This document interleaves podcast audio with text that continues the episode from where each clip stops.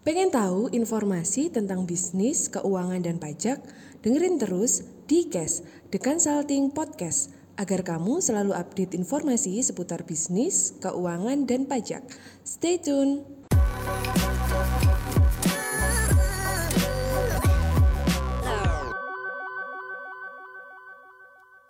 Jadi hari ini guys kita akan ngobrol-ngobrol soal digital. Jadi teman-teman juga biar belajar anyway mungkin kalau teman-teman belajar di The Consulting banyaknya teman-teman belajar soal sistematik bisnis, soal keuangan, soal perpajakan dan itu memang yang sering kita ajarkan kepada teman-teman. Dan hari ini kita akan ngobrol soal optimasi optimalisasi digital media ya. Dan ini supaya teman-teman juga punya satu insight bahwa bisnis itu uh, many things yang akan dilakukan. Jadi tidak hanya teman-teman belajar, oh saya bisnis cuma soal marketing, tidak hanya itu aja gitu. Atau saya misalnya bisnis soal uh, keuangan aja atau bisnis soal opsional aja, enggak guys. Banyak yang bisa kita lakukan, banyak yang bisa harus banyak yang harus diperhatikan ya.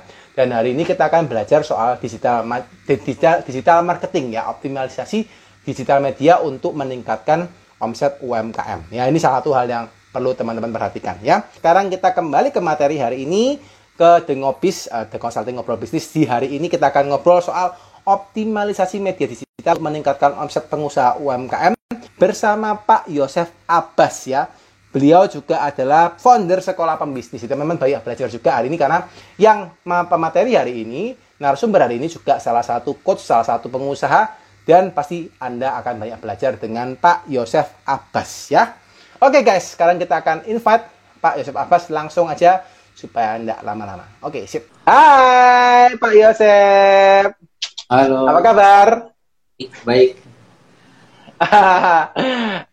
Thank you nih Pak ya sudah akhirnya kita ketemu juga nih ya.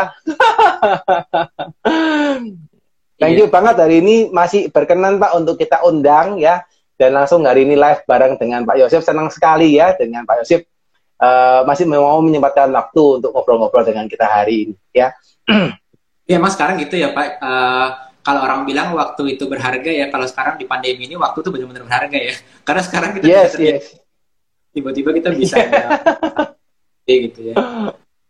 Yes, yes, yes, yes, yes. Ini lagi santai di rumah Pak Yosef hari ini? Iya, ini di uh, tempat kerja saya sih sebenarnya di rumah juga sama ya. Karena kan kita Oh, oke. Okay ya. Gitu. Ya karena di pandemi gini jadi terpaksa memang sebisa mungkin di online kan ya. Jadi kita juga akhirnya yes. banyak online gitu. Iya ya kerja dari mana-mana ya Pak Yosef ya kerjanya ya. Kapan pun di mana pun apalagi kalau kamu digital marketing atau sosial media marketing dan kawan-kawan digital ini sudah kapan pun bisa lah kerja Pak ya. Mau kerja di Bali kerja di mana gitu ya. Kerja di luar negeri. offline sebetulnya. Jadi uh, kan hmm. saya backgroundnya itu bisnis di bidang salon sama klinik jadi ada salon yeah. ada klinik tapi ya yeah. mau gimana memang harus dikombinasikan sama online ya pak jadi memang ini juga kesadaran yes. uh, setelah pandemi gitu akhirnya kita beralih ke online gitu apalagi kemarin di awal-awal pandemi kan sempat saya tuh ngalamin bisnisnya itu memang terpaksa tutup karena kan bioskop tutup lalu okay. uh, tutup ya salon tutup termasuk hmm. saya juga tutup waktu itu jadi itu lebih okay. lebih lagi keren wah ini kita masuk benar-benar masuk online nih gitu. Hmm oke. Okay. siap siap siap siap siap. Nice nice ini kelihatan kulik-kulik nih pak ya. Ceritanya Pak Yosef waktu pandemi COVID kemarin nih. Atau biasanya kita waktu uh, sharing seperti ini Pak. Biasanya kita lebih senang kita dengar cerita daripada narasumber bagaimana yeah. kisah itu kisah suksesnya Terus pertama juga bisa jatuh bangunnya Pak, karena orang yang tahu itu sekarangnya aja kelihatannya wah, tapi tidak tahu jatuh yeah. bangunnya seperti apa. Nah, boleh tidak Pak Yosef mungkin sharing-sharing dengan kami, dengan teman-teman yang hari nonton, gimana sih ceritanya Pak Yosef sampai seperti sekarang Pak Yosef kira-kira? Ya, mungkin ini agak berbeda ya. Kalau kita dengar cerita pebisnis itu banyak yang udah dari mungkin SMA atau SMP gitu udah dari kecil tuh udah punya kebiasaan untuk kalau dia ke sekolah atau ke kampus udah bawa tas, bawa uh, jajanan gitu ya dibeli pagi-pagi dibawa ke kampus istirahat jualan atau mungkin kalau kita di kantor gitu ya ada orang suka pagi-pagi bawa nasi kuning nasi uduk nanti di kantor dijualin jadi makanan pagi gitu ya itu kan udah yes, yes. bisnisnya udah dapat banget nah kebetulan saya hmm. bukan orang yang itu kebetulan jadi sampai hmm. kurang uh, saya umur 27, 28 ya sama seperti kebanyakan dari teman-teman juga mungkin yang di sini ya kita bekerja sebagai profesional. Jadi kebetulan saya juga hmm. berkarir yang uh, training. Jadi training sales training di otomotif waktu itu. Dan di okay. sales sebetulnya udah lumayan Pak ya, lumayan karena memang brandnya brand uh, cukup bagus multinasional dan sudah uh, settle cuma saya pikir seperti teman-teman yang saat ini di pandemi juga merasakan sama seperti saya waktu itu kayaknya di Indonesia ini kita nggak bisa bergantung hanya dari satu sumber income ya. Walaupun udah jadi karyawan, jadi karyawan pun udah bagus gitu. Tapi saya menyadari, wah kayaknya kita di Indonesia ini satu sumber income itu nggak cukup deh. Apalagi ya gitu. Akhirnya berpikir, aduh, aku bisa ngapain lagi ya? Ternyata dari situ kepikiran pak. Kepikirannya adalah, wah kayaknya harus nyoba side hustle nih. Ini teman-teman yang di pandemi mulai side hustle mungkin mirip kayak saya. Jadi waktu kerja merasa kurang, uh, akhirnya saya hustle. Nah, saya hustle saya waktu itu adalah jualan online. Jualan online hmm. putar uh, mungkin kalau teman-teman tahu di sini adalah mahar ya. Jadi ada explosion box, ada mahar orang nikahan gitu. Nah, dulu saya awalnya dari situ. Gitu. Dan itu sebetulnya udah bagus karena setelah saya jualan mahar itu saya bisa resign dari pekerjaan saya. Jadi ibaratnya sudah bekerja cukup lama, uh, mungkin sekitar saya bekerja 5 7 tahun gitu ya udah udah settle ternyata bisa melampaui gaji saya kan? Akhirnya kepikiran ya biasa kita karya karyawan kalau udah punya bisa mengalahkan gajinya usahanya wah gimana kalau saya full time aja nih di bisnisnya gitu kan. Udah resign dari situ. Tapi mungkin uh, buat teman-teman juga yang karyawan juga yang kepikiran mau resign jangan cepat-cepat resign juga. Karena saya waktu itu ternyata begitu saya resign setahun dua tahun itu bisnis saya drop banget. Jadi uh, yang terjadi adalah dari online itu online shop saya tahun 2016 kan saya mulai final 2016 itu sudah mulai settle. 2016 akhir itu drop banget. Jadi saya praktis mulainya itu dari waktu kerja 2013 14 15 2016 awal itu omsetnya ada dan tiada pak. Jadi hari ini ada ada yang beli gitu. Besokannya lagi bisa sampai nggak ada yang beli bahkan nggak omset sama sekali gitu. Nah itu saya alami di tahun-tahun 2015 dan 2016 nah itu 2015 akhir itu. Nah dari situ kalau teman-teman sekarang mungkin dari offline ke online kan banyakkan dari kita ya. Aku punya bisnis nih di uh, offline, aku mau di online kan. Kalau saya dulu di online-nya udah nggak berhasil. Terus gimana lagi ya? Udah uh, ibaratnya terlanjur resign, tapi harus survive ibaratnya ya. Jadi ngapain lagi ya saya berpikir. Ya udah akhirnya kita mulai bisnisnya di offline. Jadi merintis dari offline waktu itu. Jadi uh, kita mainnya di bazar-bazar. Jadi mulai dari bazar yang uh, kampus, terus kok nggak begitu bagus ya. Akhirnya pindah ke bazar yang lebih besar lagi uh, di mall. Kok lumayan tapi mesti bisa diimprove lagi, dicari mall yang lebih besar lagi gitu. Jadi di tahun 2016-17 itu saya jadi pemain offline bazar to bazar uh, singkatnya gitu. Itu ada momennya saat mungkin teman-teman juga uh, merasakan ya kita yang dari offline kita di offline tuh buka toko kalau di mall itu kan kita loadingnya jam 10 malam jam 11 malam jadi malam-malam tuh saya nyetir mobil box karena memang masih sendiri kan.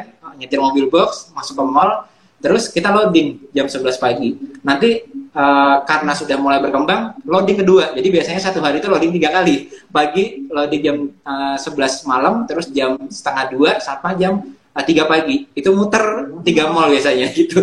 Jadi itu kita lakukan karena memang uh, ini salah satu konsekuensinya ya teman-teman ya. Kalau mau jadi pebisnis kalau misalnya sukses ada ada rewardnya. Tapi kalau misalnya pas kita gagal ya kita harus melakukan apa yang dibutuhkan supaya kita bisa sukses juga gitu. nah waktu itu uh, akhirnya kita mulai muter kayak gitu. Tapi sampai satu saat saya keingetan satu hal pak. Jadi saya keingetan tuh, aduh kok saya tuh dulu pernah berhasil di online ya. Saya pernah resign bahkan sampai resign dari pekerjaan itu gara-gara saya menggunakan online marketing. Tapi sekarang sampai saat itu saya belum berhasil itu. Dan saya jualan di online pun nggak ngomset. Di momen itu saya berpikir, wah saya harus masuk online lagi nih. Aku harus belajar nih gimana pun caranya gitu. Nyari dari sana dari sini. Nah mulai dari momen itu uh, akhirnya saya masuk ke online. Nah sekarang ini yang saya jalankan adalah uh, salon sama klinik. Dan dua-duanya tetap offline tapi saya menggunakan digital marketing. Makanya biasanya kita sharingkan di sekolah pebisnis itu istilahnya uh, digital marketing bisnis offline. Jadi bisnisnya di offline tapi kita dorong pakai digital marketing supaya konsumennya itu datang ke uh, salon atau lokasinya atau uh, bisnisnya teman-teman gitu Nah, akhirnya kita kombinasikan gitu. Nah, kurang lebih singkatnya sih kurang lebih seperti itu. Nah, ini mungkin sedikit nggak berhubungan, mungkin kalau dari Pak Deddy, hubungannya apa ya sama sekolah pebisnis gitu. Karena kan uh, background saya sama cerita sekolah pebisnisnya kan uh, kayak nggak berhubungan dua ini ya gitu. Jadi sebenarnya buat teman-teman juga nih kebetulan ada teman-teman dari uh, di consulting ya. Di consulting apa? Sahabat di consulting ya. Dari teman-teman di consulting atau dari uh, teman-teman di sekolah pebisnis itu dulu awalnya saya tuh uh, waktu merintis itu kan saya bukan orang yang mungkin saya rasa teman-teman juga banyak yang orang tua saya itu bukan pebisnis gitu. Jadi saya tuh tante saya bukan pebisnis, uh, keluarga saya bukan pebisnis. Tetapi saya pengen untuk berbisnis gitu. Makanya saya pikir juga kalau kita lihat statistik ya Pak, UMKM itu banyak banget kita karyawan juga yang pengen mulai bisnis. Tapi sayangnya statistiknya pemerintah tuh memang mengatakan bahwa hanya kurang dari tiga persen yang jadi pebisnis. Berarti kan ada sesuatu yang salah sebetulnya. Kok banyak yang pengen jadi pebisnis tapi yang jadi pebisnis cuma tiga persen gitu. Nah itu yang saya rasakan juga sebetulnya waktu saya memulai itu gitu. Jadi saya rasa iya ya, aku karyawan, aku mulai mau jadi pebisnis, aku nggak punya keluarga pebisnis, orang tua saya profesional kebetulan. Yang satu lagi papa saya bahkan dari sejak dia keluar universitas sampai kemarin ini pensiun itu kerjanya di perusahaan yang sama. Jadi nggak nggak pindah-pindah sama sekali gitu. Jadi benar-benar tipe uh, orang tua yang yang konvensional gitu. Nah dari situ anaknya saya gitu. Tapi saya pengen banget jadi gimana ya saya bisa jadi pebisnis ya gitu. Saya pengen kok melihat uh, entrepreneur tuh saya pengen nih jadi pebisnis gitu. Nah itu saya rasakan. Jadi memang nggak mudah ya kita yang mungkin kalau teman-teman ada yang keluarganya pebisnis bisa melihat waktu pagi-pagi itu orang tua saya buka rukonya kayak gimana sih gitu. Ngomong sama karyawannya gimana sih, ngitung di resepsionisnya gimana sih gitu kan udah ada pengalamannya. Nah kebetulan saya nggak punya pengalaman itu.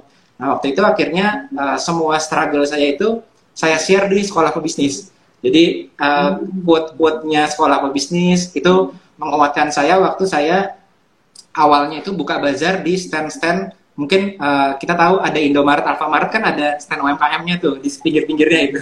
Nah itu saya mulai dari situ waktu awalnya. Nah di situ kan kita nggak ngerti marketing pak, kita keluar dari karyawan nggak ngerti digital marketing, nggak ngerti selling, terus jualan. Ya nungguin sehari bisa nungguin 8 jam tapi nggak ada customer gitu ya. Mungkin juga teman-teman merasakan yang kayak gitu ya. Buka stand nungguin dari pagi sampai sore nggak ada yang datang. Itu kan rasanya nggak enak sakitnya di hati ya. Jadi dari situ akhirnya yang saya lakukan waktu itu ya saya konsumsi konten-konten yang kayak ada di sekolah pebisnis saya konsumsi konten motivasi konsumsi video-video yang menguatkan saya gitu. Sebenarnya itu uh, yang saya share di sekolah pebisnis itu adalah ya semua hal yang menguatkan saya waktu saya lagi uh, bertransformasi. Jadi dari uh, dari karyawan jadi pebisnis. Makanya saya buat sekolah pebisnis oh nice nice nice nice. Jadi asalnya itu Pak Yosef ini geraknya mestinya di bidang tadi ya Pak salon dan klinik ya asalnya yeah. ya. Jadi tapi sebelumnya kan di Mahar ya sebelumnya kan di apa usaha yang di Mahar itu ya. Sebelum itu uh, ini offline waktu offline itu juga masih di Mahar atau masih sudah berpindah ke salon? Waktu ini cukup di offline Jadi ini buat buat teman-teman yang di pandemi mungkin juga ada yang merasakan saya waktu itu sempat dropnya itu kan yang di kerajinan tangan itu ya. Dan saya pikir teman-teman juga merasakan sekarang kok dari bagus tiba-tiba produk saya drop. Ini berarti yang salah nih produkku nih. Aku harus nyari produk yang winning nih, produk yang viral nih, produk yang produk yang lagi bagus saat ini gitu. Ternyata uh, yang saya pelajari, saya pindah dari kerajinan tangan itu, saya pindah ke aksesoris wanita, pindah lagi ke salon. Yang saya dapatkan setelah sekarang ini, ternyata nggak ada bisnis yang jelek dan nggak bagus ya. Kalau kita pikir, mungkin orang berpikirnya, yang bagus apa sih? Sandang pangan papan. Nggak pernah bangkrut gitu ya nggak pernah turun gitu kan. Tapi kenyataannya pebisnisnya bisa aja hari ini ada yang bangkrut di bidang sandang pangan papan. Di hari yang sama. Ada yang sukses ada yang bangkrut ya pak ya. Itu saya sadari gitu. Jadi saya, jadi saya sadari oh ternyata waktu itu saya yang salah nih. Saya berpikir produknya harus saya cari yang bagus. Ternyata sayanya yang nggak ngerti cara untuk marketing nggak ngerti cara untuk di marketing. Nah dari itu baru akhirnya wah kayaknya saya harus uh, develop diri saya nih gitu. Makanya di sekolah pebisnis kan saya juga sharing juga itu uh, kalau buat teman-teman yang mungkin seperti saya posisinya juga kita baru memulai berbisnis tapi belum belum berhasil itu saya bilang selalu ada tiga golden rules-nya. Jadi mindset, skill set, baru omset. Jadi mindset dulu, baru skill set, baru ke omset. Kadang-kadang kayak saya dulu, saya tuh mikirnya produk apa yang lagi bagus, jualan di mana supaya saya dapat omsetnya langsung kan. Lama-lama saya sadar oh saya nggak punya skill setnya untuk digital marketing. Saya nggak punya skill setnya untuk marketingnya gitu. Apalagi skill setnya untuk mungkin uh, cash flow menghitung finansialnya gitu ya. Itu kan perlu skill set skill set supaya kita bisa berhasil. Nah dari karyawan tuh saya sadar waktu itu oh ternyata saya sebagai karyawan tuh memang dunianya beda ya. Uh, dari karyawan ke pebisnis tuh seperti kayak kita dari anak SMA lalu masuk ke kuliah. Kan kadang-kadang agak canggung ya kita anak kuliah anak uh, SMA terus tiba-tiba masuk kuliah bajunya udah nggak pakai baju seragam ganti ke baju bebas terus temennya juga gaulnya udah beda gitu kan. Jadi masuk ke karyawan pebisnis itu mirip kayak masuk dari SMA ke kuliah saya bilangnya. Artinya kita harus sadar kita tuh butuh banyak skill baru sebetulnya. Termasuk skill finansial juga nih dari uh, Pak Deddy ya dari The Consulting. Siap siap siap siap. Oke okay, nice nice jadi kondisinya Pak Yosef ini pindah-pindah ya Pak ya dari yang awalnya dari kerajinan, terus offline, akhirnya pindah ke salon dan akhirnya buka klinik. Gimana Pak ceritanya ya. kok sampai akhirnya buka salon dan klinik Pak Yosef? Ya, sebetulnya pindah-pindahnya itu di, kita di awal tuh benar-benar pindah-pindah eh, cukup sering gitu. Jadi tahun 2013, 14, 15, tiga tahun saya di kerajinan tangan, udah cukup lama. Terus akhirnya baru drop. Setelah itu sempat setahun itu pindah-pindah. Nah, tapi saya sadar sebenarnya ini mungkin value dari beberapa teman-teman justru yang jadi karyawan nih. Kita kan sekarang juga karyawan senang banget untuk cepat pindah-pindah sana kemari gitu. Padahal ada kayak saya lihat ayah saya, papa saya tuh kerja dari uh, lulus kuliah sampai dia retire sampai dia pensiun tuh di satu tempat gitu. Jadi saya juga punya value walaupun kita pebisnis, kadang-kadang kita mesti menggeluti satu bidang itu terus-terusan sampai benar-benar bisa berhasil. Mungkin bisa caranya dirubah, metodenya mungkin dirubah, jalannya dirubah tapi jangan sampai kita mengubah misalnya industri kita ya. Kita pivotnya terlalu jauh misalnya. Itu saya belajar juga sebetulnya dari ayah saya nah ini kan saya rasa jadi sejak itu saya berpikir wah ini kayaknya beneran yang salah itu bukannya produknya tapi saya nih mesti banyak belajar nih gitu. Akhirnya dari situ akhirnya baru uh, menemukan jalannya lah menemukan ke salon tadi gitu. Nah kenapa salon? Karena memang kan uh, orang tua saya ibu saya juga profesional di bidang kurang lebih sama servis juga jadi udah ada background mindset uh, service bisnisnya lah gitu. Walaupun dua-duanya bukan pebisnis gitu. Oke. Tapi service itu maksudnya apa? Service di bidang salon atau service aja? Ibunya? Uh, iya, uh, bukan di bidang salon tapi di bidang dia itu dosen sebetulnya. Jadi dosen di bidang kesehatan gitu. Dosen di bidang kesehatan. Jadi ayah ibu saya tuh betul-betul uh, konvensional. Yang satu adalah dosen, yang satu adalah uh, ayah saya tuh PNS tapi dari kuliah sampai pensiun itu di PNS gitu. Jadi makanya saya nggak ada mindset uh, bener-bener background bisnisnya kan. Itu yang membuat saya juga mungkin seperti teman-teman yang lain, aku pengen banget nih uh, jadi pebisnis. Tapi ya aku kok nggak punya ilmu sama sekali, nggak tahu jalannya gitu. Biasanya kan lebih sering mentoknya ya, lebih sering fail failnya atau lebih sering. Nah, makanya waktu itu akhirnya saya share banyak quotes quotes dan lain-lain itu sebetulnya hmm. quotes quotes itu udah saya simpen di HP saya di akun Instagram hmm. saya sebenarnya. Jadi oke oke. Saya melihat quote saya savein, saya melihat video saya savein gitu. Dan semua quotes itu, semua uh, video-video uh, itu itu nguatin saya. Oh lagi sepi nih, oh lagi ditolak nih, kita nggak tahu caranya jualan, pasti kita ditolak sama customer terus gitu. Hmm. Waduh ya, hmm. ayo maju lagi, ngelihat lagi quotesnya, ngelihat lagi video. Sebenarnya itu uh, sebetulnya secara personal memang saya konsumsi sendiri. Terus saya saya berkata kalau saya aja mau jadi pebisnis dan merasakan kesulitan, pasti teman-teman yang lain itu merasakan hal yang sama kayak saya gitu. Makanya akhirnya mm -hmm. oh, mulai nih sharing yang selama ini uh, membantu saya, menguatkan saya, saya masukin semuanya ke sekolah pebisnis. Dan senang juga sih karena mm. teman-teman yang di DMS sekolah pebisnis itu uh, sampai quotes-nya itu di print gitu, terus ditempel di uh, kamarnya dia, tempel di uh, mm ya belajar dia gitu. Jadi itu sebetulnya hal-hal yang menguatkan saya lebih dibandingkan dari mungkin dari sekolah pebisnis kan kita dapat ada ada endorse, ada consulting dan lain-lainnya. Tapi itu nggak lebih hmm. buat lebih rewarding dibandingin melihat teman-teman yang oh ternyata quotes-nya ditempel ya itu menguatkan teman-temannya itu buat saya itu reward yang paling besar sebetulnya. Hmm, nice, nice, nice, nice, nice. Menarik, menarik nih ya. Kalau saya lihat uh, teman-teman ini juga ini ya maksudnya dapat insight banyak dari apa yang Pak Yosef uh, ini lakukan ya. Misalnya kuota di gitu ya, akhirnya mereka tempel dan kawan-kawan gitu ya.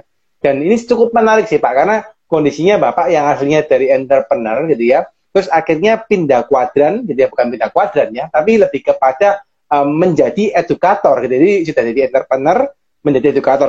Meskipun sebelumnya sudah menjadi edukator terlebih dulu Pak ya. Sebelumnya buka entrepreneur jadi edukator lagi. Ini menarik sih, sungguh sangat menarik. Nah, Pak, pengen belajar nih Pak. Ketika membangun sekolah pembisnis Pak, apa Pak yang dirasakan di awal Pak? Sehingga sampai akhirnya bisa menjadi sebesar ini itu apa yang yang mungkin uh, rintangan-rintangan yang dihadapi lika-liku yang jadi kan nggak mungkin ya Pak ya begitu buat uh, apa namanya uh, sekolah pembisnis langsung bisa punya teman-teman yang fanatik dengan sekolah pembisnis itu kan nggak mungkin pasti ada satu bangunnya itu gimana Pak Yosef kalau boleh diceritakan sampai sehingga saya sebesar sekarang sekolah pembisnisnya ya, uh, ini saya juga kaget sebenarnya waktu mulai dari awal sama hmm. sekali nggak menyangka sekolah pembisnis itu bisa jadi salah satu sumber income lagi yang tambahan gitu ya, kalau dilihat dari sisi finansial. Hmm. Tapi memang yang saya lakukan waktu di awal itu hanyalah membuat saya merasa kalau saya buat saya berguna pasti buat teman-teman lainnya akan berguna juga gitu. Ya, hmm. saya hal itu. Tapi yang saya rasakan sekarang itu adalah oh ternyata yang saya uh, sharingkan itu relate buat ke teman-teman yang juga posisinya mirip ya gitu. Nah, enggak enggak semuanya ya. Kadang-kadang ada kita yang uh, mungkin udah dari umur muda udah jadi entrepreneur atau bahkan jadi hmm. entrepreneur udah uh, mencoba cukup lama. Tapi ada teman-teman banyak juga loh yang baru mau jadi entrepreneur juga, terutama hmm. teman-teman di offline kayak saya. Kan kita kan sekarang banyak sekali yang uh, bisnisnya itu mainnya di e-commerce, marketplace. Hmm. Ada yang hmm. mungkin uh, yang lain mungkin tipikalnya ada yang benar-benar full online trading dan lain-lain. Nah kebetulan hmm. yang kayak saya punya di offline juga, tapi sebetulnya butuh digital marketing khusus buat di offline ini belum ada yang sharingkan gitu dan memang strateginya sangat berbeda gitu mungkin kita tahu hmm. kalau di marketplace itu lagi booming sekarang mungkin kayak sekarang yang TikTok ya TikTok Shop juga lagi booming kan kalau buat teman-teman yang e-commerce hmm. tapi kan uh, banyak juga teman-teman yang sebetulnya yang udah punya bisnis di offline tapi bingung mesti diapain gitu banyak juga hmm. mungkin yang di offline kadang-kadang saya temuin ya udah deh yang di offline kita tutup kita ganti buka baru yang e-commerce yang di online jadi benar-benar hmm. pivot drastis banget gitu padahal ada loh caranya kayak teman-teman yang di sekolah kobis itu ada beberapa yang uh, jasa disinfektan misalnya atau dia hmm. uh, mobil atau bengkel hmm. atau kemarin itu ada restoran uh, yang udah 9 cabang gitu. Nah, ini bisnis hmm. yang ini sebetulnya mereka tuh bisa dapat customer yang uh, premium tapi menggunakan digital marketing. Jadi kadang-kadang ya, mungkin teman-teman yang di offline itu kan suka sadar kita punya toko, tiba-tiba di suatu siang ada mobil melipir ke toko kita, yang turun itu kok kita kenal ya kayaknya saya pernah lihat di TV ya gitu ya oh ini artis hmm. nih gitu kan tapi padahal kita udah punya toko di situ lama tapi kita nggak sadar di area kita itu ada customer premium sebetulnya nah pertanyaannya hmm. kan lokasi toko hmm. kita itu tapi gimana ya cara kita menjangkau customer-customer yang premium yang bisa bayar kita harga yang cukup baik tapi kita menjangkaunya dari digital marketing supaya mereka tahu hmm. kita tuh ada nah, uh, yang saya ingat misalnya kemarin sebentar lagi kan kita mau Ramadan ya mau Ramadan itu saya ingat hmm. banget uh, istri saya misalnya dia udah pas lagi bulan puasa siang-siang lagi hamil hamil anak saya hmm. dia hmm. nyari minum nyari minum di bulan Ramadan mau ngidam es es campur gitu kan hmm. Gimana nyarinya ya saya bingung kan pada tutup semuanya gitu belum ada gojek hmm. belum ada GoFood waktu itu kan hmm. terus hmm. Nah, saya keluar dari rumah naik motor naik mobil kita keluar nyari ternyata dapetnya jauh dari lokasi rumah saya gitu ya bisa sampai hmm. uh, dan udah lama dari itu ternyata saya nemu gitu kok saya lewat di daerah dekat rumah saya itu ternyata ada loh di situ es campur yang waktu itu istri saya itu ngidam gitu nah itu kan hmm. buat si orang yang jual es campur ini gitu andaikan si hmm. orang campur ini bisa tampil saya saya tuh lagi istri saya lagi ngidam terus tiba-tiba saya ngeliat eh ternyata dekat rumah saya itu ada loh sebetulnya tapi kita nggak hmm. lihat nah, itu ya yang sekarang ini banyak teman-teman yang punya lokasi offline mereka merasa kok saya kurang ya omsetnya ya kok saya nggak bagus ya di pandemi ya. Nah mungkin teman-teman hmm. tidak oleh customer yang sebetulnya di lokasi teman-teman itu sudah ada nih customer-customer premiumnya. Udah ada orang-orang yang hmm. sebenarnya membeli bahkan, udah tertarik bahkan. Tapi kita tidak mengerti atau belum tahu cara untuk uh, explore daerah sekitar kita dari digital marketingnya gitu. Butuh strategi bisnis yang ideal untuk bisa mengembangkan usaha dengan lebih luar biasa? Dapatkan video series People System Finance dengan kunjungi www.deconsulting.id slash video series. Hmm, nice, nice, nice, nice, nice. Lantas apa Pak kalau yang harus dilakukan seperti jual es campur tadi gitu ya? Ketika dia mau menggunakan digital marketing, apa yang harus mereka lakukan supaya customer-customer yang dekat-dekat itu bisa ngerti um, bahwa dia jual es campur di lokasi A, misalnya seperti itu? yang unik kalau kita di Instagram ya kita posting uh, sebuah post di Instagram kita bisa lihat insight-nya. Nah tapi insight-nya hmm. kita lihat kalau kita posting kita punya e-commerce kita posting itu yang lihat kan dari Sabang sampai Merauke ya dari Myanmar sampai Hmm. Merauke dari satu Indonesia bisa Hmm. lihat gitu. tapi permasalahan kita punya es campur itu lokasinya ada di Jogja misalnya ada di Jakarta misalnya kan kalau kita Hmm. posting ke Indonesia tapi mereka nggak bisa beli ya buat apa dilihat Hmm. juga nah jadi itu Hmm. satu perbedaan antara uh, mereka yang punya lokasi di offline punya bisnis di offline tapi mau dengan digital marketing dengan mereka yang mungkin full e-commerce kalau yang e-commerce Hmm. itu atau Indonesia malah rezeki ya malah berkah ya karena seluas-luasnya dia bisa menjangkau nah tapi kalau Hmm, yang hmm. lokasi gimana caranya dengan lokasi yang terbatas tapi orang-orang banyak yang tahu nah salah satunya kan dengan Hmm. menggunakan kalau organik ya pakai fitur-fitur yang bisa optimasi di daerah sekitar kita Eh, terus kalau misalnya pakai advertising misalnya advertisingnya cari yang advertisingnya di area tertentu areanya Hmm. sama ads-nya di area yang sama tapi kreatifnya atau isi kontennya diputar-putar sehingga orang lihat brand kita terus gitu ya Eh, Hmm. kalau misalnya areanya terbatas, biasanya yang terjadi adalah influencernya juga kita terbatas untuk bisa visit ke store kita. Mungkin teman-teman yang punya Hmm. bengkel, nggak semua influencer bisa visit ke bengkel kita. Mungkin teman-teman punya salon, barbershop, nggak semua influencer bisa kita ajak kolaborasi juga kan. Jadi kita harus Hmm. Gimana caranya kita bisa cari influencer yang mereka itu ada di area sekitar dari bisnis kita. Kita itu ada Hmm. cara untuk juga. Jadi eh, lokal influencer itu kita cari Hmm. lokal supaya mereka bisa visit ke kita. Kalau bisnisnya di F&B ya, F&B atau restoran atau kafe mungkin banyak ya influencer dari food and beverage. Tapi kalau bisnis kita Hmm. bengkel misalnya, gimana ya cari orang yang tertarik sama influencer untuk bengkel atau untuk salon atau barbershop gitu kan? Karena kan jarang kan Hmm. F&B Hmm.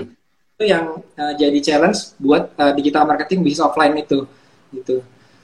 Hmm. Intinya semuanya akan berubah ke arah situ. Jadi terus misalnya kalau kita punya lokasi di daerah sekitar uh, di area katakanlah Jakarta aja, Jakarta di area Jakarta Barat. Berarti kan kita mau Hmm. pastikan bisnis kita itu bukan hanya misalnya kalau kita di marketplace itu customer kita kan banyak, transaksinya volume cukup besar. Mungkin kita Hmm. nggak perlu sampai seperti kita punya bisnis yang ada lokasi fisiknya ya. Kalau kita punya Hmm. misalnya shop, kadang-kadang kita bisa sampai kenal customernya itu siapa namanya, lokasi tinggalnya di mana, keluarganya namanya siapa Hmm. kan gitu ya.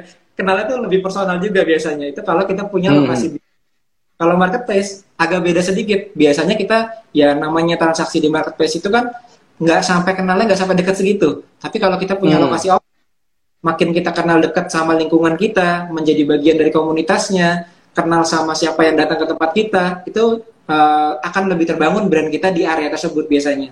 Nah berarti itu Hmm. kan di eh, konten yang lebih beda.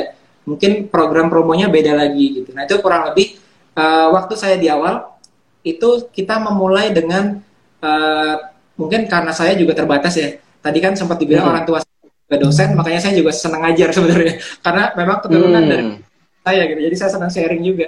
Jadi orang tua saya, ibu saya dosen, ayah saya tadi di PNS. Nah jadi saya senang sharing. Nah di waktu awal-awal itu kan saya nggak pakai modal untuk buat salon itu. Jadi salon itu saya Hmm. buat dengan uh, beauticiannya ini dari rumah saya dia ke tempatnya customer-customer. Jadi nggak ada salonnya. Oke, oke. Buat teman-teman yang mungkin di bisnis lokal, misalnya maunya sih punya bengkel, tapi saya belum punya modal untuk bikin bengkel gitu. ya. Kan cukup Hmm. besar juga tanahnya untuk bengkel atau karwas juga karwas mesti luas gitu. Tapi aku mau punya. Hmm. gitu. Teman-teman bisa mulai dulu seperti yang saya lakukan. Mulainya dari jasa cuci mobil ke rumah orang. Dari jasa cuci Hmm. mobil, kira kita bisa punya modal untuk membuat karwasnya gitu. Nah waktu itu kebetulan yang saya lakukan itu juga uh, cukup berbeda karena nggak punya salon, nggak punya fisik salonnya. Sekarang memang kita sudah punya beberapa cabang, tapi di awal itu Hmm. kita benar dari rumah. Terus uh, hanya menggunakan dua orang, dua orang Hmm. Saya kita ajarin mereka dat ke rumah customernya. Marketingnya dari dunia online, jadi ke area sekitar dari rumah saya. Jadi kan di Tangerang kebetulan Hmm. Hmm. hmm.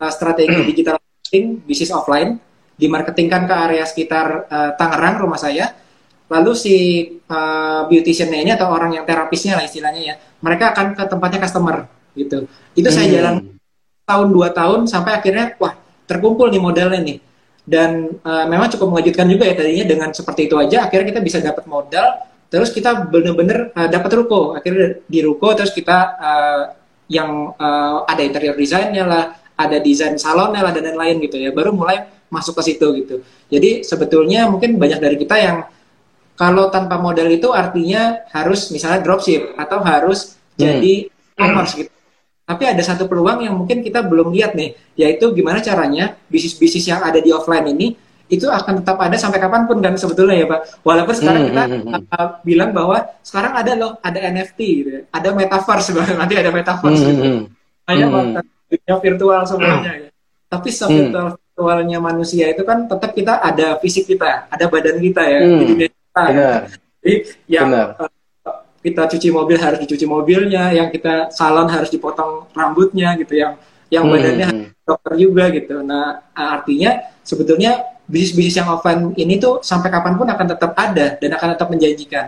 Tetapi kekurangannya Hmm. orang yang di offline itu belum aware banget nih sama potensi digital marketing bisnis offline ini untuk mereka sebetulnya. Bahkan teman-teman yang Hmm. sekarang udah digital marketing itu banyak yang saya lihat bahkan ada beberapa yang mereka itu buat awalnya itu uh, mobil salon mobil tadi itu dari real case tadi dia buat anak Hmm. SMA baru kuliah itu digital marketing bisnis offline dari uh, ambil orang dari uh, dilatih untuk cuci mobil dimarketingkan menggunakan digital marketing bisnis offline sampai akhirnya punya car jadi beli car wash-nya akhirnya gitu jadi uh, Hmm.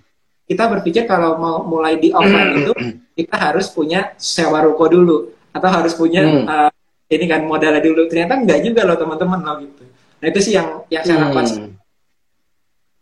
Oke, nice, nice, nice. Jadi asalnya dari rumah ya, Pak Yosef ya, keren ya. Dari rumah akhirnya sampai me- me- mem- membrandingkan orang dat- didatengin sampai akhirnya bisa punya ruko. Wah, keren, keren.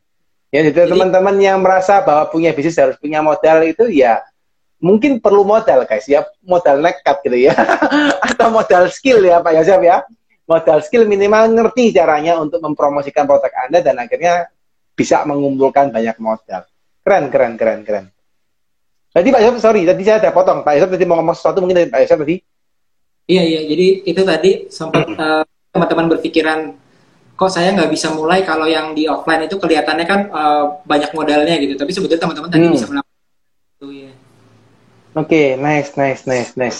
Nah, Pak Yosef, ingin tahu nih, eh, apakah semua bisnis ya, apakah semua bisnis itu pasti bisa digitalisasi? Atau ada beberapa bisnis yang memang sampai kapan pun nggak bisa digitalisasi? Bagaimana? Kira-kira dari pendapatnya Pak Yosef gimana kira-kira? Iya. Kalau menurut saya memang nggak semua bisnis itu eh, bisa dikombinasikan dengan digital marketing atau online marketing ya, Hmm. karena Hmm. tergantung customer kita ada di mana juga. Tapi kalau buat saya patokan saya waktu itu adalah kita udah ngelihat ada startup-startup besar yang masuk ke dunia saya ibaratnya adalah local on demand ya. Mungkin saya yakin Hmm. sempat ada interview kan di bidang uh, sayur ya sekarang kan industri sayur. Hmm. Sebenarnya marketing bisnis offline juga. Jadi radiusnya itu nggak jauh ya. Jadi kalau kita sayurnya di area misalnya kemarin Surabaya, berarti kita di area sekitar Surabaya itu aja karena deliverynya kan terbatas biasanya. Delivery sayurnya dikirim ke sana kemari. Nah, banyak kita tuh ngelihat startup-startup yang di bidang katakanlah dulu ada uh, Gojek. Gojek kan dulu ada Go Go Live, ada Go Hmm. Go Plus, ada yang Go Go Auto ya. Hmm. Ada Hmm, hmm, hmm. Glam gitu. Artinya ini local on demand ini udah dilirik sama startup-startup dari uh, beberapa tahun lalu sebetulnya. Cuma Hmm. Para startup mungkin itu belum terlalu masuk akal untuk mereka startup uh, membakar uang di yang local on demand karena mungkin sisi scale up-nya ya kalau startup itu kan mikirin dia harus scale up akuisisi database dan lain-lain gitu ya. Lebih ke arah Hmm, long hmm, hmm. Tapi buat pebisnis yang sifatnya misalnya UMKM, seperti misalnya kayak saya dulu waktu baru mulai, saya baru mulai yang saya mau itu bukan valuasi tinggi, tapi saya maunya omset setiap bulan dapat cash flow gitu kan. Karena kan kita Hmm. udah mulai dari pedagang ya, dari pebisnis gitu. Hmm, Sebisa hmm. mungkin survive sebagai UMKM. Nah, karena saya Hmm. maunya seperti itu, saya jadi ngeliat nih, oh ternyata buat uh, startup-startup itu nggak masuk akal, mereka nggak masuk ke bisnis lokal demand. Tapi buat para Hmm. UMKM ini waktu yang bagus buat teman-teman buat masuk ke sana karena justru buat Hmm. kita uh, mungkin profit yang di bidang lokal itu besar sebetulnya yang buat startup mungkin itu nggak besar besar amat gitu ya ah, aku startupnya besar buktinya kan nggak besarnya gimana buktinya contohnya misalnya dari Gojek dulu dia sempat masuk di GoMassage masuk di GoClean, GoGlam, GoAuto tapi akhirnya dia tarik kan terus merger sama Tokopedia gitu jadi GoTo Hmm. artinya bisnis itu buat si uh, Gojek itu nggak terlalu bisa di scale up, nggak bisa promising saat itu gitu. Tapi buat Hmm. para UMKM ini works banget sebetulnya local on demand ini gitu. Tapi jarang dilihat sama teman-teman yang uh, adalah UMKM gitu sebetulnya. Hmm, oke oke oke oke. Jadi memang nggak bisa semua bisnis di scale up dengan digital ya, Pak Yosef ya. Masih ada beberapa, tapi memang kita masih lihat juga kondisinya uh, apa yang bisa kita scale up. Apakah bisa secara nasional ataukah bisa secara ini ya, secara uh, apa namanya, secara uh, uh, lokal gitu ya. Nah, ini saya cukup menarik nih Pak Yosef. Kalau misalnya mungkin saya ingin juga dapat pandangan dari, dari Pak Yosef ya kalau saya lihat nih sebagai uh, orang awam ya bahwa kenapa sih kok misalnya di kok Gojek melihat uh, dia nggak misalnya membesarkan Go Glam, Go Auto yang yang mana menggunakan orang gitu ya. Mungkin kalau pandangan saya karena mungkin scale up-nya kan tadi Pak Yosef juga, juga, juga, juga sampaikan ya, scale up-nya susah karena terkait dengan orang. Akhirnya dia mencari sesuatu yang lebih mudah untuk scale up menggunakan produk gitu ya. Nah, how, maksudnya apa yang mungkin Pak Yosef pikirkan dengan itu Pak? Apakah memang semua bisnis yang terkait dengan orang itu sudah di scale up atau enggak? Kan Pak Yosef sendiri kan berhubungan dengan orang ya, karena salon kan. Itu gimana nih pendapat dari Pak Yosef, Pak kira-kira? Saya sih berpikir kalau lihat dari negara lain sebetulnya uh, bisnis-bisnis yang seperti tadi itu bisa di scale up dengan sistem startup gitu. Tapi memang Hmm. butuh waktu sana gitu. Kalau di, di, uh, luar negeri sebenarnya sudah ada model-model bisnisnya kan yang seperti itu. Cuma di Indonesia Hmm. ini memang biasanya kalau ekspansi bisnis kan ada satu tuh dengan misalnya distributor, keagenan atau reseller Hmm. yaitu teman-teman yang punya produk ingin di scale up dari uh, online recruiting uh, reseller, recruiting distributor gitu. Atau scale up Hmm. dengan selanjutnya itu dengan uh, mungkin scale up online kayak misalnya kemarin tuh ada uh, brand yang sepatu yang bisa sampai ke New York yang iklan di New York. Nah, pasti teman-teman Hmm. juga. Erigo ya misalnya dia sampai iklan Hmm. tapi tapi menggunakan masif influencer marketing dan lain-lain. Nggak ada uh, resellernya, nggak ada keagenannya, nggak ada distributornya, tapi dia kencang banget scale, scale up-nya dari online. Ada model scale up Hmm. lain itu dengan cara startup. Jadi nyari investor-investor, dia funding kan dengan model startup. Nah, kalau di yang modelnya uh, human intensive, memang sekarang banyaknya scale up itu seperti F&B. Jadi kemitraan dengan uh, franchise biasanya. Jadi kalau jasa Hmm. misalnya laundry pasti kan dia masuknya ke kemitraan atau franchise laundry kalau barbershop juga Hmm. Guys nah eh, sampai saat ini memang kenapa masih belum masuk si eh, Gojek dan lain-lain itu memang scale up-nya dengan buka cabang biasanya kan dengan buka cabang baru buka Hmm. cabang baru jangkau area lokal jadi biasanya kalau saya punya franchise kok franchise saya cabangnya udah eh, banyak ya udah 50 cabang ya tapi kok omsetnya nggak nggak nggak jauh nggak jauh besar ya gitu biasanya nggak Hmm. terdevelop karena udah buka cabang tapi area tersebut nggak dieksplor lebih lanjut lagi gitu dengan digital marketing Hmm. Gitu misalnya aku udah punya beberapa cabang nih tapi kok ya profitku segitu-segitu aja ya gitu. mungkin sebetulnya di mitra atau franchise kita itu kita bisa develop digital marketing bisnis offline-nya sehingga mereka bisa cari customer-customer premium di area sekitar cabang mereka sebetulnya gitu. Hmm.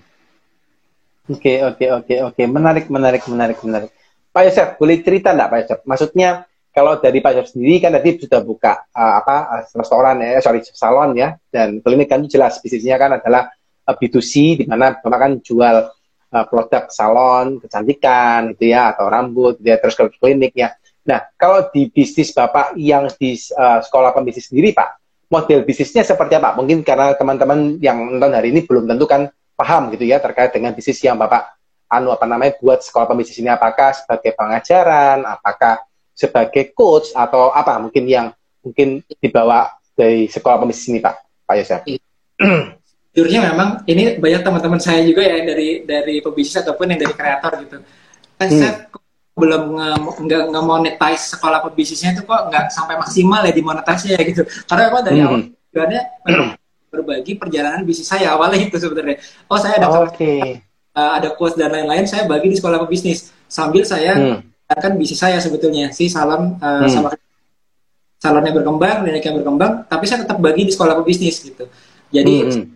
Mungkin kalau teman-teman tanya ada uh, program apa, ada course apa, bahkan saya belum uh, mempersiapkan yang seperti sampai reguler dalam banget itu belum ada sebetulnya. Kalau Hmm. untuk bergabung di konsultan sama pembicara di UMKM, bisa kan pemerintah sekarang banyak mengadakan uh, ini ya, banyak mengadakan event-event juga, sama banyak teman Hmm. di luar sana kita partnering sama brand. biasanya brand logistik Hmm. atau ini untuk inkubasi UMKM. Nah kalau di tempat saya Hmm. awal-awal sempat banyak permintaan untuk ayo dong ngajarin digital marketing bis offline-nya. Kita sempat buat Hmm. uh, workshop offline selama lima hari gitu. Selama lima hari kita buat di Zoom kan. Sempat udah Hmm. ada company-nya gitu. Terus kemarin kita lagi siapkan juga e-course untuk influencer marketing.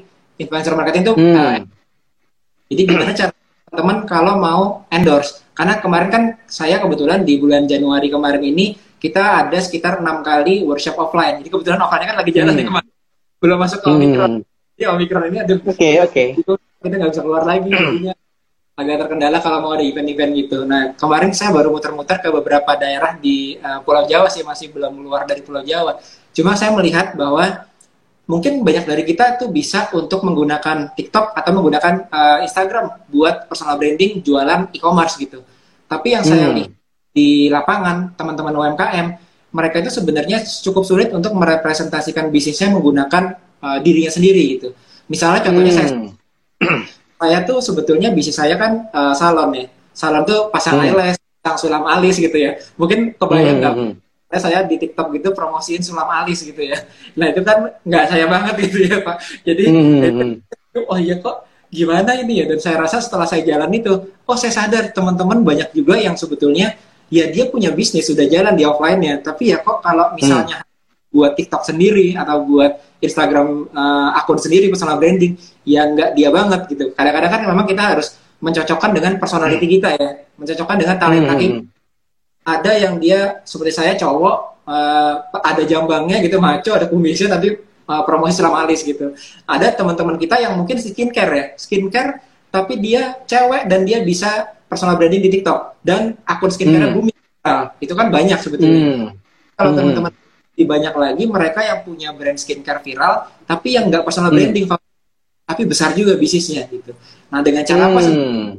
yaitu dengan cara kalau kita nggak bisa menggunakan diri kita sendiri kita menggunakan berpartner sama orang lain berpartner dengan si influencer Hmm. mungkin kemarin itu yang saya lihat begitu saya sharing mengenai endorse itu komplainnya satu biasanya Uh, kendalanya Hmm. satu kan endorse itu mahal banget ya gitu ya biasanya Hmm. Hmm. Kan itu kan mahal ya harganya gimana ya gitu kan nah Hmm. itu kita sebutnya dengan oversupply of influencer. Jadi saat ini kalau dulu influencer itu kita tanya anak-anak ya, sekarang itu kan kamu mau gede mau jadi apa gitu. Kalau dulu mau jadi insinyur, jadi dokter gitu ya. Kalau sekarang kan mau jadi apa itu jadi youtuber kan. Mau Influencer? Jadi, youtuber benar. jadi influencer gitu. Nah, uniknya sejak pandemi itu ternyata bukan cuma anak-anaknya tadi, tapi justru bapaknya sama ibunya pengen jadi youtuber juga, pengen jadi influencer juga gitu. Hmm. Jadi Hmm. bukan cuma anaknya tapi bapak ibunya juga aku mau buat akun YouTube nih gitu kan aku mau buat akun Hmm. Instagram. Artinya kebayang ya teman-teman ya, yang mau jadi influencer, yang mau jadi creator sekarang itu banyak banget di di luar sana gitu. Nah kita sebagai Hmm. apa yang harus kita lakukan sebagai pebisnis kalau kita tahu di luar sana banyak yang mau jadi content creator atau influencer. Ya mungkin Hmm. ada jalan selain kita jadi eh, content creator sendiri gitu. Maksudnya gimana? Hmm. Misalnya kalau kita sudah punya bisnis, kita tahu di luar sana oversupply of influencer, banyak sekali influencer. Kalau kita di ekonomi kan pernah belajar ya, saat supply-nya banyak, demand-nya pasti tuh eh, nggak demand-nya kecil, supply-nya banyak, harganya lebih murah biasanya. Kalau demand-nya Hmm, hmm, sedikit, tapi harganya eh, tapi yang mau beli banyak, eh tapi yang eh, kalau demand-nya itu sedikit, itu biasanya lebih harganya lebih mahal kebalikannya kan. Jadi kalau tas eksklusif misalnya, aku punya tas cuma Hmm. 10 tapi yang mau beli ada 100 orang, tasnya cuma 10 Hmm. piece. Berarti kan harga tasnya eksklusif mahal. Ya, kalau Hmm. sekarang jumlah tasnya atau jumlah influencernya itu banyak banget. Artinya harga Hmm. murah kan. Jadi sebetulnya saking banyaknya influencer, harusnya kita bisa nemuin dengan mudah influencer dengan harga yang lebih murah. Bahkan harganya bisa jadi cuma barter gitu ya. Barter dengan barang Hmm. kita gitu. Tinggal gimana caranya kita tahu cara melakukannya. Cara DM-nya gimana sih? Cara kita untuk uh, kontak influencernya gimana sih gitu. Mungkin salah satu Hmm. uh, salah satu ininya uh, spill-nya ya kalau anak-anak zaman sekarang kan di Hmm. spill ya. kalau kalau movie ya. Salah satu spill-nya dari bisnis saya gitu ya. Setiap bulan eh, setiap minggu itu kita uh, mencari dua atau sampai tiga influencer yang ini barter. Jadi sama sekali Hmm. keluar budget untuk bayar endorse influencer. Nah, kalau teman-teman Hmm. yang UMKM itu akan jadi efektif banget ya. Kenapa teman-teman? Bayangin deh, satu kali aja sat- uh, bulan ini teman-teman dapat satu influencer. selama 12 bulan teman-teman punya 12 influencer. Berarti kan di dalam komputer teman-teman, teman-teman punya folder 12 influencer nih, ada foto-fotonya, ada video-videonya. Kira-kira kita Hmm. perlu buat konten lagi untuk akun bisnis kita, terus ngedit Canva, saya bilangnya adalah uh, pejuang Canva ya, karena kita saking udah, udah sibuk bisnisnya, tapi kita harus berjuang ngedit di Canva juga gitu. Ngedit Canva, Hmm. pintar gitu kan. Padahal kita udah sibuk di kalau ibu-ibu ya sibuk di dapur, udah sibuk masak di dapur mesti ngedit Canva. Kalau teman-teman Hmm. pembisnis bengkel, kita udah sibuk dengan uh, bengkel kita, sibuk dengan mobil, selesai dari itu ngedit konten lagi gitu di Canva. Nah, Hmm. kenapa Hmm. kita berkolaborasi sama oversupply influencer ini gitu. Nah, itu akhirnya Hmm.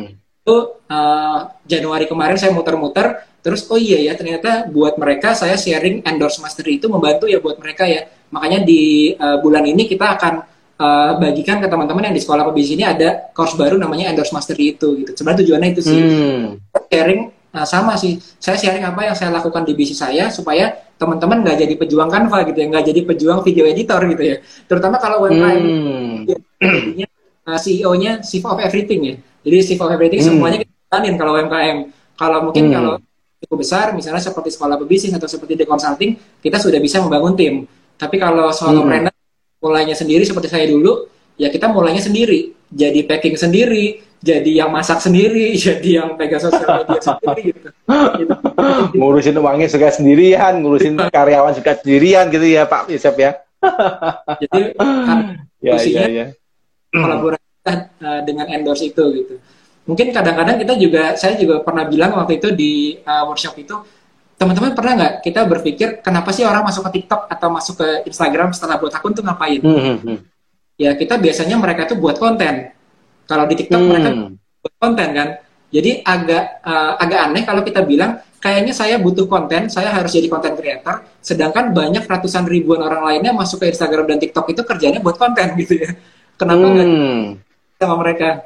Ya, jadi itu kenapa akhirnya saya bilang, oh kita harus bisa untuk memanfaatkan orang untuk membuatkan konten buat bisnis kita tanpa kita harus sibuk Hmm. dengan buat kontennya sendiri gitu. Hmm, nice, nice, nice, nice. Jadi ini salah satu teknik ya Pak Yosep ya untuk untuk bisa istilahnya kolaborasi dengan influencer dan itu sistemnya barter ya. Berarti kita kasih mereka barang dan mereka nge-reviewin dari produk yang kita milikin seperti itu ya Pak Yosep ya. Ya, jadi uh, kalau buat teman-teman yang UMKM terutama, ini kan uh, kebetulan kemarin juga saya uh, masuk di salah satu uh, event yang memang mengedukasi UMKM. Dan di situ Hmm. kan kita uh, kementerian kita, Kementerian UMKM itu itu uh, Bapak Teten Mas Duki ya, itu kan dia kasih Hmm. salah satu gimana caranya UMKM ini bisa berkembang di pandemi. Nah, salah satu Hmm. program itu apa inisiatif pemerintah, salah satunya uniknya gitu ya, bukan uh, membangun personal branding di dunia online gitu ya. Itu materinya nggak ada Hmm. gitu ya di ke- pemerintahan di, di Kementerian UMKM. Yang dimasukkan di sana adalah optimasi mikro influencer. Jadi kenapa Oke. di optimasi mikro influencer sih yang dimasukin Hmm. ke inisiatif uh, pemerintah gitu. Karena mungkin kita sadar gitu, Indonesia ini bukan cuma Jakarta atau Surabaya di kota-kota besar di mana orang itu uh, mungkin udah bagus nih pakai skincare-nya bagus, mereka bisa Hmm. TikTok udah proper nih wajahnya untuk dimasukin Hmm. TikTok. Tapi Hmm, ada hmm, teman yang mungkin di Papua, mungkin di Kalimantan, mungkin di Sumatera gitu. Mereka nih orang uh, memang benar-benar pebisnis yang mereka dengan sehari-harinya di bisnis mereka di bengkel gitu ya. Mungkin kalau TikTok kan juga Hmm. nggak bisa gitu. Nah, oleh karena itu inisiatifnya adalah optimasi mikro influencer gitu. Itu yang saya pelajari dari uh, inisiatif pemerintah itu juga. Nah, makanya karena itu wah kayaknya uh, belum ada juga nih yang menggunakan cara yang sama seperti yang saya gunakan juga, yaitu kan Hmm. saya juga ada di bisnis saya kan. Tapi kalau di salon Hmm. saya saya majukan itu justru orang lain. Jadi pakai pakai wajahnya orang lain. Jadi ada kamu juga pernah dengar ya, ada brand ambassadornya itu orang lain ya, yang lebih Hmm. relevan dengan tersebut. Kalau misalnya belum bisa brand ambassador, teman-teman bisa masuk ke uh, influencer marketing atau endorse. Kalau belum bisa endorse, masuk ke paid Hmm. dan endorse pun sekarang kan influencer itu ada terbagi ya, jadi cukup banyak kategorinya gitu. Ada influencer yang makro, mega, mikro gitu kan, berdasarkan dari jumlah followernya gitu. Nah dari Hmm, jumlah hmm. biasanya teman-teman udah bisa uh, mendapatkan konten-konten paling enggak supaya teman-teman nggak usah terjebak kayak hamster untuk ngeditin konten setiap hari gitu. Kenapa? Karena kita Hmm. gunakan partner tadi sama orang sehingga kita dapat kontennya. Mungkin teman-teman nggak dapat Hmm. dari influencer-influencer yang besar. Karena kan biasanya kalau kita ngambil konten dari influencer yang nggak terlalu besar followernya, mereka tuh udah bisa foto bagus, udah bisa buat video Hmm. bagus.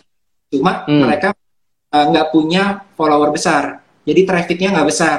Tapi kita sudah Hmm. bisa timeline kita itu bagus jadinya. Jadi itu sebetulnya jadi keuntungan kalau teman-teman bisa melakukan endorse mastery-nya ini uh, ke orang-orang yang followernya belum besar, tapi teman-teman bisa nemuin follower itu yang fotonya udah jago, uh, buat videonya udah jago gitu. Hmm. Ini orang-orang yang zaman sekarang ini mereka lagi berjuang untuk jadi kreator, berjuang jadi influencer, belum punya follower. Itu kan banyak ya. Jadi Hmm. misalnya Hmm. follower baru belum sampai 10k nih atau followerku baru sampai 10k nih. Eh terus tiba-tiba Hmm. ada uh, akun online shop misalnya atau ada bengkel yang nawarin dia, kamu mau nggak datang ke bengkelku, aku servis gratis buat bulan ini gitu ya. Oh dia seneng Hmm. banget ya. "Eh, Nih akhirnya aku dapat endorse lah dari Instagram gitu kan. Dia kan sharing ke teman-temannya Hmm. Ini aku di endorse lah gitu kan. Padahal endorse juga nggak bayar gitu. Kita juga nggak ngasih apa-apa. ke Mereka hanya barter service aja gitu. Jadi sebenarnya posisi Hmm. uh, menggunakan nano sama micro influencer ini itu win-win buat kedua-duanya gitu.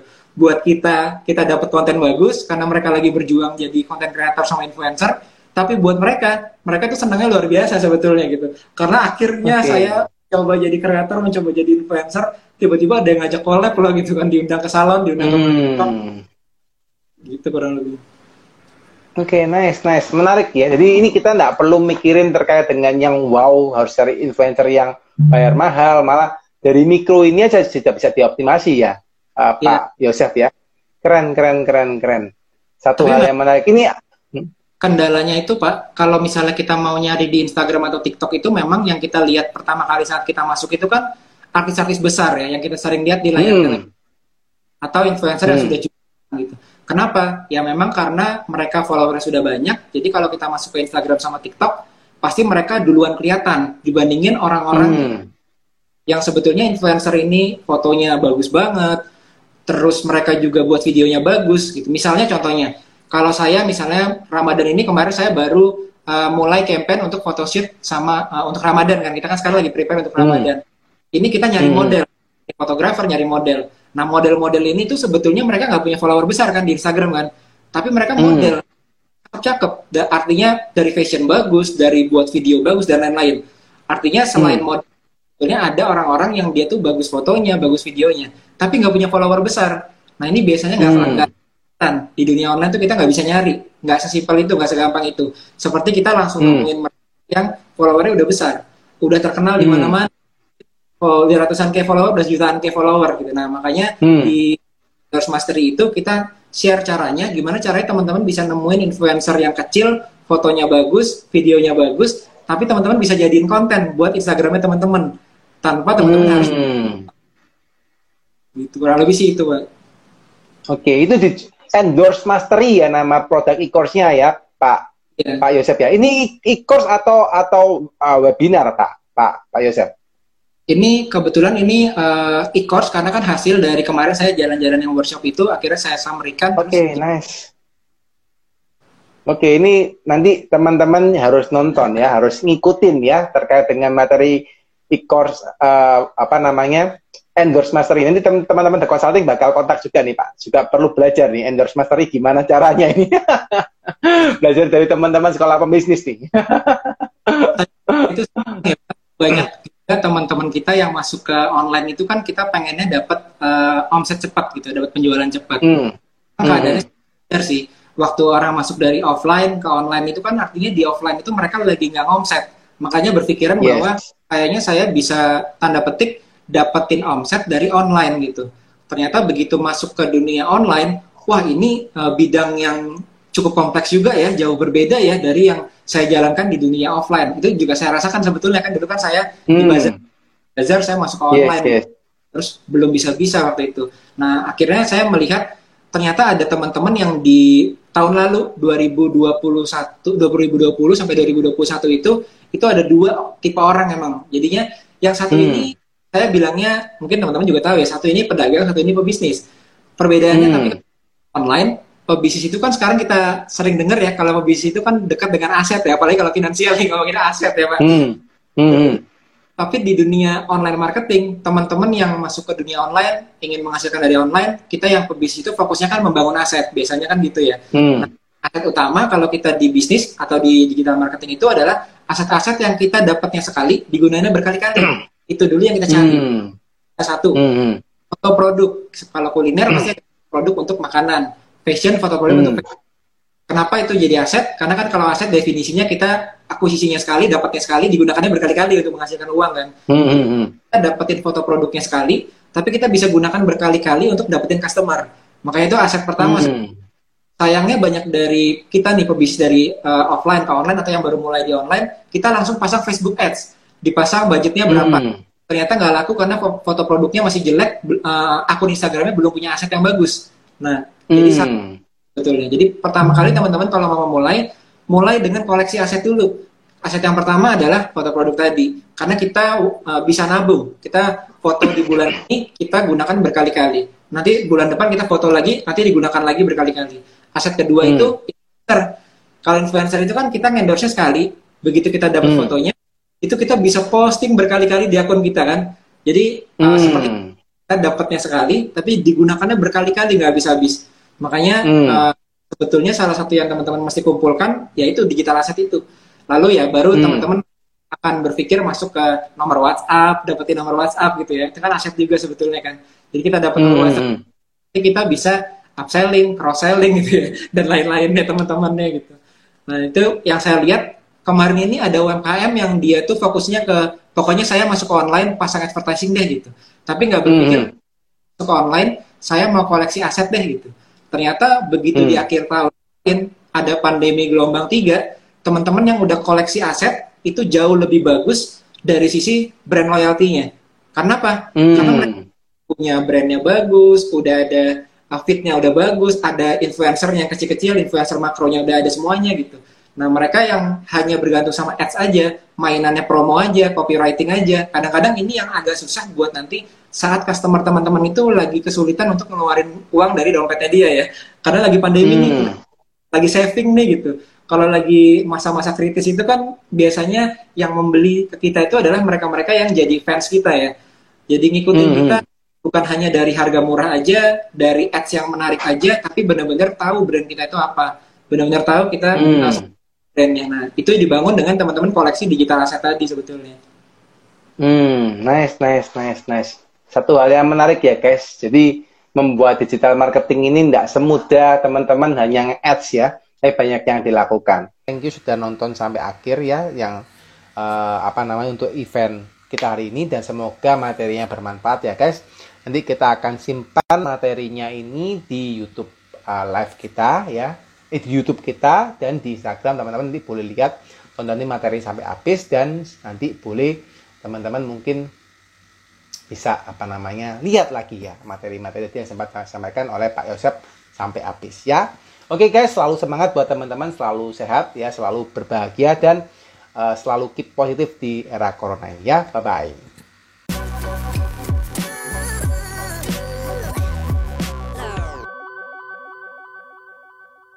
Terima kasih sudah mendengarkan Dikes. Sampai jumpa di episode berikutnya ya.